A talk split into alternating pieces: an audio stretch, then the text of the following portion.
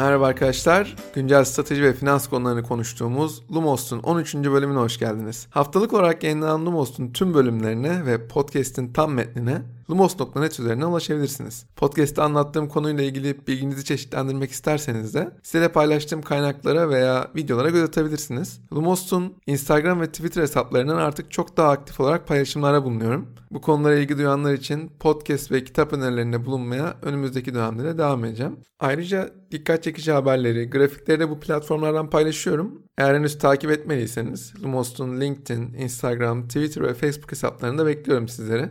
Bugün konuğumuz Silikon Vadisi'nin en tartışmalı şirketlerinden biri olan Uber. Uzun yıllar boyunca her 6 ayda bir gelirlerini iki katına çıkarmaya başlayan bir şirket var karşımızda. 69 farklı ülkede 10 binden fazla şehirde faaliyet gösteriyorlar. 2019 yılında yaklaşık 65 milyar dolar brüt gelir elde eden şirket bir önceki yıla göre gelirlerini %35 arttırmış. Uber'in ismi skandallardan eksik olmayan kurucusu Travis Kalanick'e göre Uber'in gelecek vizyonunda insanlar araç sahipliğini tamamen bir kenara bırakıyorlar. Kalanick, insanların aslında temel isteğinin A noktasından B noktasına ulaşabilmek olduğunu söylüyor. Bu durum hatırlayanlar olacaktır. 7. bölümde detaylı bir şekilde konuştuğumuz Clayton Christensen'ın Jobs to be Done framework'ünün bir yansıması gibi. Uber'in yakaladığı büyüme hızına ve önündeki büyüme fırsatına bakarak potansiyeline hayran kalmamak elde değil. Belli açılardan tablo bu kadar parlakken Uber'in değeri acaba neden bu kadar tartışmalı? Filmi biraz daha geri sardığımızda küçük bir problem daha var karşımızda. 2019 yılı yatırımcıları halka arz anlamında en fazla heyecanlandıran yıldı. Uber'den Lyft'e, Pinterest'ten Peloton'a, Silikon Vadisi'nin yüksek değerli şirketleri halka açılıyordu. Bugün geldiğimiz noktada işlerin pek de planlandığı gibi gitmediğini görüyoruz. Uber örneğinde Goldman Sachs ve Morgan Stanley analistleri halka arz öncesi şirketin piyasa değerini 120 milyar dolar olarak hesaplamışlardı. Gelen talebin beklendiği gibi olmaması sebebiyle yaklaşık 75 milyar dolara halka arz edilebilen Uber'in piyasa değeri geçtiğimiz Mart ayında 25 milyar dolara kadar gerilemişti. Bugün piyasa değeri 47 milyar dolar olan şirket neden yatırımcılarını bu kadar hayal kırıklığına uğratmış olabilir? Bir başka problem de etkileyici rakamlara rağmen operasyonel olarak karlılığa bir türlü ulaşılamaması. Covid-19 sürecinin Uber açısından yansımalarını bir kenara bırakıyorum. Son 4 yılda ortalama operasyonel kaybı yıllık 4 milyar dolar olan bir şirketten bahsediyoruz. Uber 2016 yılında 3 milyar dolar, 2017 yılında 4.1 milyar dolar, 2018 yılında 3 milyar dolar ve son olarak geçtiğimiz yılda 8.6 milyar dolar operasyonel zarar etmiş. 2019 yılındaki zıplamanın temelinde IPO sırasında çalışanlara verdiği hisselerin 4.6 milyar dolar olarak nakde dönmesi yatıyor. Ama yine de çok büyük bir kayıp söz konusu. Karlılık yolundaki ilk argüman Uber'in gerçek bir rekabet avantajının olmaması. Uber tüm oyun planını uzun vadede pazarı domine edeceği üzerine kurguluyor ve bunun bir network etkisi yaratacağını düşünüyor. Platform şirketlerinin belirli bir büyüklüğe ulaştıktan sonra sabit giderleri toplam giderler içerisinde oran olarak düşer. Bu da karlılığa pozitif yansır. Uber kullanıcı sayısını arttırdıkça rakiplerine göre rekabet avantajı elde edeceğine inanıyor. Platformu kullanan kişi sayısı arttıkça sürücüler için çok daha fazla potansiyel müşteri anlamına geliyor. Bu sayede de çok daha fazla sürücü platforma katılıyor. Bu durum yolcu tarafında da çok daha az bekleme süreleri ve uygun fiyat demek. Teoride her şey çok başarılı. Ama pratikte bu model o kadar iyi işliyor mu? Uber yakın gelecekte karlı hale gelebilir mi? Sorular arttıkça artıyor. Lumos'un bu bölümünde ilk amacımız fiziksel varlığı olmayan sadece aracı rolünü üstlenen Uber'in nasıl oluyor da bu kadar yüksek zararlar ettiğini anlamak olacak. Yukarıda sorduğum sorulara kendi bulduğum cevapları sizlerle paylaşacağım. Ayrıca Uber'in aktif olduğu kategorilerdeki durumunu tek tek analiz edip bu kategorileri nasıl karlı hale dönüştürebilir bunlara bakacağız. Hadi başlayalım. Uber'in gelirlerinin yaklaşık dörtte üçünü kazandığı ana işi olan araç paylaşımıyla başlayalım. Uber kendisini arz ve talebi koordine eden fiziksel varlığı olmayan bir platform olarak konumluyor. Aylık platformu kullanan aktif kullanıcı sayısı 111 milyon iken aktif sürücü sayısı da 5 milyon. 2019 yılında toplam 7 milyar adet yolculuk yapılmış. Bu da bir önceki yıla göre %32 artış demek. Araç paylaşım şirketleri için en önemli metriklerden biri kullanıcılar tarafından ödenen paranın vergiler çıktıktan sonra ne kadarını kendilerine aldıkları ne kadarını sürücülere ödedikleri. Bu orana take rate deniyor ve Uber için bu oran son çeyrekte %22.5'e %5'e kadar çıkmış durumda. Bu Uber için oldukça olumlu. Şirket karlı hale gelebilmek için uzun vadede bu oranı %25'lere kadar ulaştırmayı hedefliyor. Silikon Vadisi'nde Second Major isimli bir data analitik şirketi var. Bu şirketin yayınladığı çok güzel pazar raporları oluyor. Bu raporlardan birinde Uber'in %69, Lyft'in de %30 pazar payı bulunduğunu görüyoruz. 2018 yılının ortalarına kadar Lyft'in Uber'den sürekli pazar payı çaldığını görüyorduk ama artık pazar 70-30 bandına oturmuş gibi. Benim için bu iki oyuncunun rekabetinde en şaşırtıcı bulduğum nokta kullanıcıların uygulamaları olan sadakati. Amerika'da kullanıcıların sadece %12'si hem Uber hem de Lyft kullanıyor. %62'si sadece Uber, %26'sı sadece Lyft kullanıcısı. Ben kendi gözlemlerime dayanarak bu oranın çok daha yüksek olduğunu düşünüyordum ama tahmin ettiğim kadar yüksek değilmiş. İki uygulamayı beraber kullanan kullanıcılar arasında da bir karşılaştırma yapmak gerekirse kullanıcılar tarafından Uber ödenen rakam Lyft'te ödenen rakamın %56 daha fazlası. Uber için sürücüler şirketin çalışanları değil bağımsız yükleniciler durumunda. Yeni nesil şirketleri birbirinden ayıran en önemli farklardan biri yaptıkları yeniliklerin performansını ne kadar hızlı ölçümleyebildiklerine yatıyor. Uber hangi bölgede daha fazla aracının olması gerektiğinden hangi sürücüye ne kadar ücret vermesi gerektiğine çok başarılı bir algoritmaya sahip. Veriyi başarılı şekilde anlamlandırabildiği için de büyük şehirlerde uygulamaya girdiğinizde 5 dakikadan daha kısa bir sürede aracınızın size ulaşmasını sağlıyor. Uber bunu pazardaki yenilikleri hızlı şekilde test etmek için bir deneme platformuna sahip olmasına borçlu. Şirket binden fazla testi bu platform üzerinden yürütüyor ve müşterilerinin tepkilerine göre yaptığı değişiklikler üzerinde kararlar alıyor. Bu testler kimi zaman mutlu olmayan bir müşteriyi hangi aksiyonların memnun edebileceği üzerineyken kimi zaman da bir hizmet modelinin fizibilitesi oluyor. Uber'i başarılı yapan bir başka özellik de çift taraflı değerlendirme mekanizması. Bir yolculuk yaptığınızda siz sürücüye puan verirken sürücünün de size puan veriyor olması iki taraf için de değer yaratıyor. Uber'de sürücü olarak kalabilmek istiyorsanız minimum puanınız 5 üzerinden 4.6 olmalı. Bu da sürücüleri çok daha dikkatli olmak zorunda bırakıyor. Uber'in araç paylaşım tarafında avantajlı olduğu noktalara baktık ama şirket karlı hale dönüşmek istiyorsa maliyetleri kontrol altına almak zorunda. Burada yapacağı ilk şey coğrafi açılım yaparken atacağı adımları çok daha iyi planlamak olabilir bence. Uber başlangıçta araç paylaşım kategorisinde ilk olma avantajına sahip olmak için çok hızlı coğrafi genişlemeye çalıştı. Ancak bunu yapmak için yüzlerce milyon dolar harcaması gerekti. Hükümetlerle lobi faaliyeti yürüttü ve sık sık alışılmadık pazarlarda savaşması gerekiyordu. Uber tek bir şehre odaklanarak başarı kazanmanın mümkün olduğu bir iş yapıyor. Dünyada ne kadar büyük bir network'e sahip olursanız olun, her yeni şehir sizin için baştan başladığınız bir oyun gibi. Uber'in operasyona başladığı yeni şehirlerde yerel rakibi kendisinden daha iyi bir operasyona sahipse kolaylıkla Uber'den daha başarılı oluyor. Yani sahip olduğunuz güçlü bir patent olmadığı için marka bilinirliği dışında yerel rakiplerinize karşı çok avantajınız var. Hatta çoğu ülkede hükümetlerin yerel rakiplerinize tanıdığı ayrıcalıklar işinizi daha da zorlaştırıyor. Bu noktada sıfırdan bir operasyon kurmak yerine M&A silahını kullanarak büyümek çok daha mantıklı. Uber özellikle Rusya'da ve Çin'de yaşadıklarından sonra bu süreçlerden ders çıkarmış gibi. Şirket karlı hale dönüştüremeyeceği operasyonlardan çok daha hızlı vazgeçiyor ve artık coğrafi açılım için kendini o ülkede kanıtlamış bir şirketi satın almayı daha mantıklı buluyor. Rusya'da ve Çin'de ayakta kalabilmek için büyük miktarlar harcamıştı Uber. Bir süre sonra belirli oranda hisse karşılığı bu operasyonları rakiplerine devretmek zorunda kaldı. Şu an Uber Rusya'da Yandex taksilerinin %37'sine, Çin'de Didi'nin %15'ine, Güneydoğu Asya'da Grab'in %19'una sahip. Zihniyet değişiminin en güzel yansımasını Karim satın almasında gördük. Orta Doğu'nun akıllı ulaşım hizmetleri sağlayıcısı Karim'i 3.1 milyar dolar ödeyerek satın aldı şirket. Uber'in yakın gelecekte karlı hale gelebilmesi için bu adımları ben çok değerli buluyorum. Karlı ulaşamayacağı ülkelerdeki operasyonlarını sonlandırmaktan çekinmemesi ve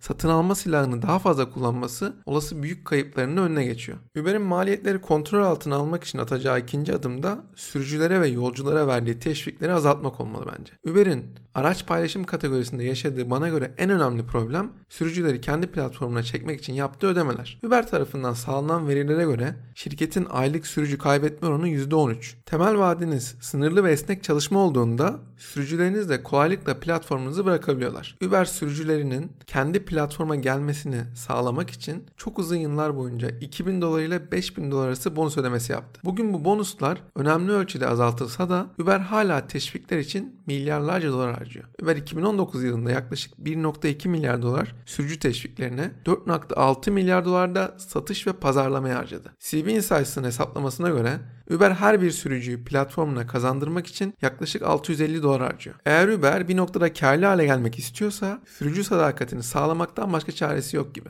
Uber'in maliyetleri kontrol altına almak için atabileceği bir başka adım da işten çıkarmalar. Halka arzdan bu yana geçen yaklaşık bir yıllık süreçte Uber binden fazla çalışanı işten çıkardı. Muhtemelen Covid-19'un etkisiyle işten çıkarmalara devam edecektir tahminimce. Uber'in tüm bu adımların yanına atması gereken belki de en gerçekçi adım yolculuk ücretlerini arttırmak bence. Burada problem hem sürücüler hem de yolcular için uygulama değiştirme maliyetinin hiç olmaması. İki tarafta birden fazla sürüş paylaşım uygulaması kullanıyor. Sürücülerin yaklaşık %70'i hem Uber hem de Lyft için çalışıyor. Kullanıcı tarafında ise fiyatları biraz arttırdığınızda yolcularınızı rakibinize kaptırma riskiniz var. Hem Uber hem de Lyft'ten aynı anda teklif alıp hangisi daha ucuzsa onu kullanmak görünümden çok daha kolay. Ancak özellikle Amerika'da pazarın belirli bir olgunluğa eriştiğini görüyoruz. Rakiplerinizle sadece fiyat üstünden rekabet ettiğinizde bir süre sonra sadece yolcuların kazandığı bir oyun ortaya çıkıyor. Uber'in belki bir miktar pazar payı kaybetmeyi göze alıp yolculuk ücretlerini arttırmaktan başka çaresi yok. Şirketin en büyük şansı rakibi Lyft'in de benzer bir durumda olması. Aslında ikisinin de fiyatları azalarak arttıklarını görüyoruz. Fiyat üstünden rekabet etmemeleri iki uygulamanın kendi geleceği için de büyük önem taşıyor. Bu noktada fiyatları çok arttırmaları durumunda taksilere pazar payı kaybetme riskleri de var. Ama sağladığı konforu düşündüğümüzde %10-15'lik bir fiyat artışını yolcular tolere edebilir gibi. Uber'in atabileceği bir başka adım da sürücülere ödedikleri miktarı düşürmek gibi görünse de ben bunun çok mümkün olmadığını düşünüyorum. Halihazırda aldıkları ücretlerden memnun olmayan sürücüleri sistemde tutmak bu kadar zorken bir de sürücülere daha az ücret öderseniz onları hiçbir şekilde sistemde tutamazsınız. Burada otonom araçlar ideal çözüm olsa da yakın gelecek için gerçekçi bir opsiyon gibi durmuyorlar. Araç paylaşım tarafının ardından Uber'in ikinci büyük gelir kalemi ise Uber Eats. Yemek teslimat servisi Uber Eats, şirketin en hızlı büyüyen ve en karlı birimi. Bu servisin 2019 finansallarında Uber'in toplam gelirleri içindeki payı %22'lere kadar gelmiş durumda. Uber özünde bir araç paylaşım şirketi olsa da yemek teslimat işinde Uber Eats'in gösterdiği performans şirket adına oldukça umut verici. Uber Eats üzerinden verilen her sipariş için mesafeye ve aynı rotadaki benzer siparişlerin durumuna göre değişken bir teslimat ücreti alıyor. Uber aynı Uber Pool'da olduğu gibi birden fazla siparişi birleştirerek hem müşteri için hem de kendisi için bir avantaj yaratıyor. Müşteri için indirimli gibi görünen bu toplu siparişlerden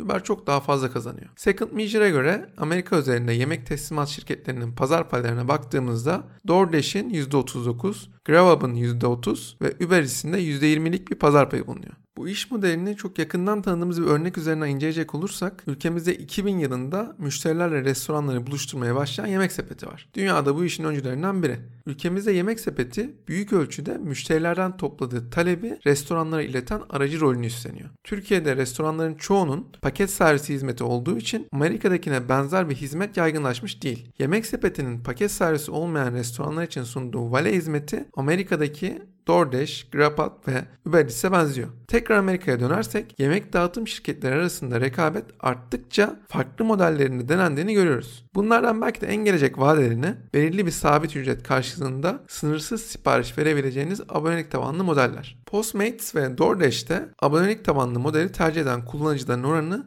%15'lere kadar gelmiş durumda. Uber hala burada çeşitli denemeler yapıyor. Eğer modeli doğru kurgulayabilirse rakiplerinden bir miktar daha pazar payı çalması şaşırtıcı olmayacaktır. Yemek dağıtım şirketleri için bir diğer popüler büyüme stratejisi ülkenin en iyi zincir restoranlarıyla ortaklıklar kurmak. Uber Eats, Starbucks, Papa John's ve Le Pain Quotidien ile kurduğu ortaklıklara benzer başka şirketlerle de anlaşmalar imzalayabilir. Burada işten başına elde edilen gelirin normalin çok altında kalacağını tahmin edebiliriz ama binlerce farklı lokasyonda reklam fırsatı yarattığı için bile bu birlikteliklerin çok değerli olduğunu düşünüyorum. Araç paylaşım hizmetinin aksine yemek dağıtım işinde rekabet çok daha fazla. Bu sebeple tek bir servise sadık olan müşteri sayısı da görece az. Örneğin Uber Eats'in müşterilerinin sadece %54'ü Uber Eats kullanıyor. Uber Eats'in en önemli avantajları Uber'in marka bilinirliği ve platformunu halihazırda kullanan 111 milyon aktif kullanıcıya sahip olması. Uber Eats şirket için yeni bir gelir kaynağı olmasının yanında bütün platformun utilizasyonunu da arttırıyor. Uber Eats'in sağladığı görünmez bir fayda da sürücülerin Uber'den Lyft'e geçişini azaltacak olması. Sistemin utilizasyonu arttırdığı için Uber'in en önemli maliyetlerinden biri olan sisteme yeni sürücülerin ekleme maliyeti de azalacaktır. Uber Eats'in üçüncü bir faydası da siparişleri teslim etmek için mevcut Uber sürücülerinin kullanılmasının yarattığı maliyet avantajı.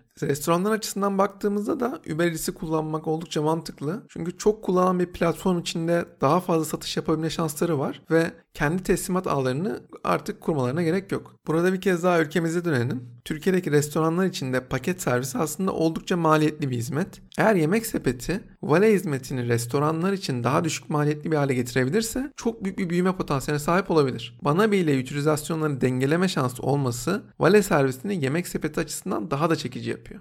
Uber gelirlerinin %99'unu iki ana kategoriden elde ederken gelecek adına yatırım yaptığı 3 iş daha var. Bunlardan ilki scooter ve bisiklet paylaşım hizmeti yani mikromobilite. Uber bu işe 2018 yılında bisiklet paylaşım girişimi Jump'ı satın alarak girmişti. Daha sonra Jump markasıyla elektrikli scooter işine de başlayan şirketin bu hizmetleri karantina döneminde büyük darbe aldı. Uber bu kategoride Lime ve Bird'ün ardından 3. büyük oyuncu. Elektrikli scooterların hem hızlı deform olması hem de hırsızlık vakaları kaynaklı ömürlerinin oldukça kısa olması bu kategoride kar etmeyi göründüğünden çok daha zor hale getiriyor. Uber'in yeni yönetiminin gelecekte alternatif ulaşım yöntemlerini çok daha fazla düşündüğünü görüyoruz. Bisiklet ve scooter tarafında bir yolculuğun ortalama uzunluğu 7 kilometre iken San Francisco'daki Uber yolculuklarının 3'te biri 4 kilometreden daha az. Uber'in gelecek vizyonunda A noktasından B noktasına gitmek için en iyi çözüm neyse onu müşterilerine sunmak var. Uzun vadede bisiklet ve scooter gibi alternatif ulaşım kanallarına genişlemek Uber'in sadece kullanıcılarını ve ürünün olan etkileşimlerini korumakla kalmayıp daha verimli gelir elde etmesinde bir yolu olabilir. Uber'in gelecek adına yaptığı belki de en önemli yatırımı ise otonom araçlar. Otonom araçların sürücü maliyetlerinin olmaması, günün her saatinde hizmet verebilmeleri, özel tasarımları sayesinde daha fazla yolcuyu daha konforlu taşıma potansiyelinin olması Uber için çok ciddi avantajlar yaratıyor. Uber bunun farkında olduğu için de yıllardır otonom araç ARGE çalışmaları için para harcıyor. Kısa bir süre önce Toyota, Denso ve SoftBank'in Vision fonundan 1 milyar dolar yatırım alan Uber ATG'nin değerlemesi yaklaşık 7 milyar dolar.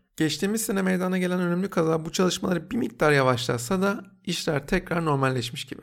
Uber'in son yatırımı da yük taşımacılığına dönük uygulaması Uber Freight. Uber Freight'in ana odağı yük taşımacılığı yapan şoförler ve şirketlerin daha verimli çalışmasını ve daha fazla iş yapabilmesini sağlamak. Ülkemizde de bir dönem aktif olarak çalışan ama daha sonra kapanan WebNow'a benziyor Uber Freight. Aslında Uber Freight'in başka şekilde konumlanacağı düşünülüyordu. 2016 yılında 680 milyon dolara sürücüsüz kamyon teknolojisi Otto'yu satın almıştı. Bu teknolojinin Uber Freight'in merkezinde yer alması bekleniyordu. Ancak bu tarafta işler beklendiği gibi gitmedi. Yine de Uber Freight giderek daha fazla ülkede faaliyet göstermeye devam ediyor. Şimdi yavaş yavaş podcast'i toparlamak gerekirse Uber'in aktif olduğu tüm kategorilerdeki durumuna bakınca ben gelecek adına pek de karamsar değilim. Yönetim kademesinde yapılan değişiklikler sonrası atılan adımlar problemlerin doğru şekilde tespit edildiğini gösteriyor bizlere. Halka açılmadan önce konuşulan 100 milyar dolarlar şu aşamada bence biraz abartılı. Bugün piyasa değeri 47 milyar dolar olan şirketin karlılıkla ilgili kafalardaki soru işaretlerini ortadan kaldırması önümüzdeki birkaç yıl en önemli görevi olacak. Ben kendi adıma Covid-19'un etkilerini çok büyük yer almadan atlatabilirse şirketin 3 yıl içinde düzlüğe çıkmasını bekliyorum. Her dönem büyük tartışmalara sebep olan Uber'i önümüzdeki dönemleri yakından takip etmeye dinlemeye devam edeceğiz. Görüşmek üzere.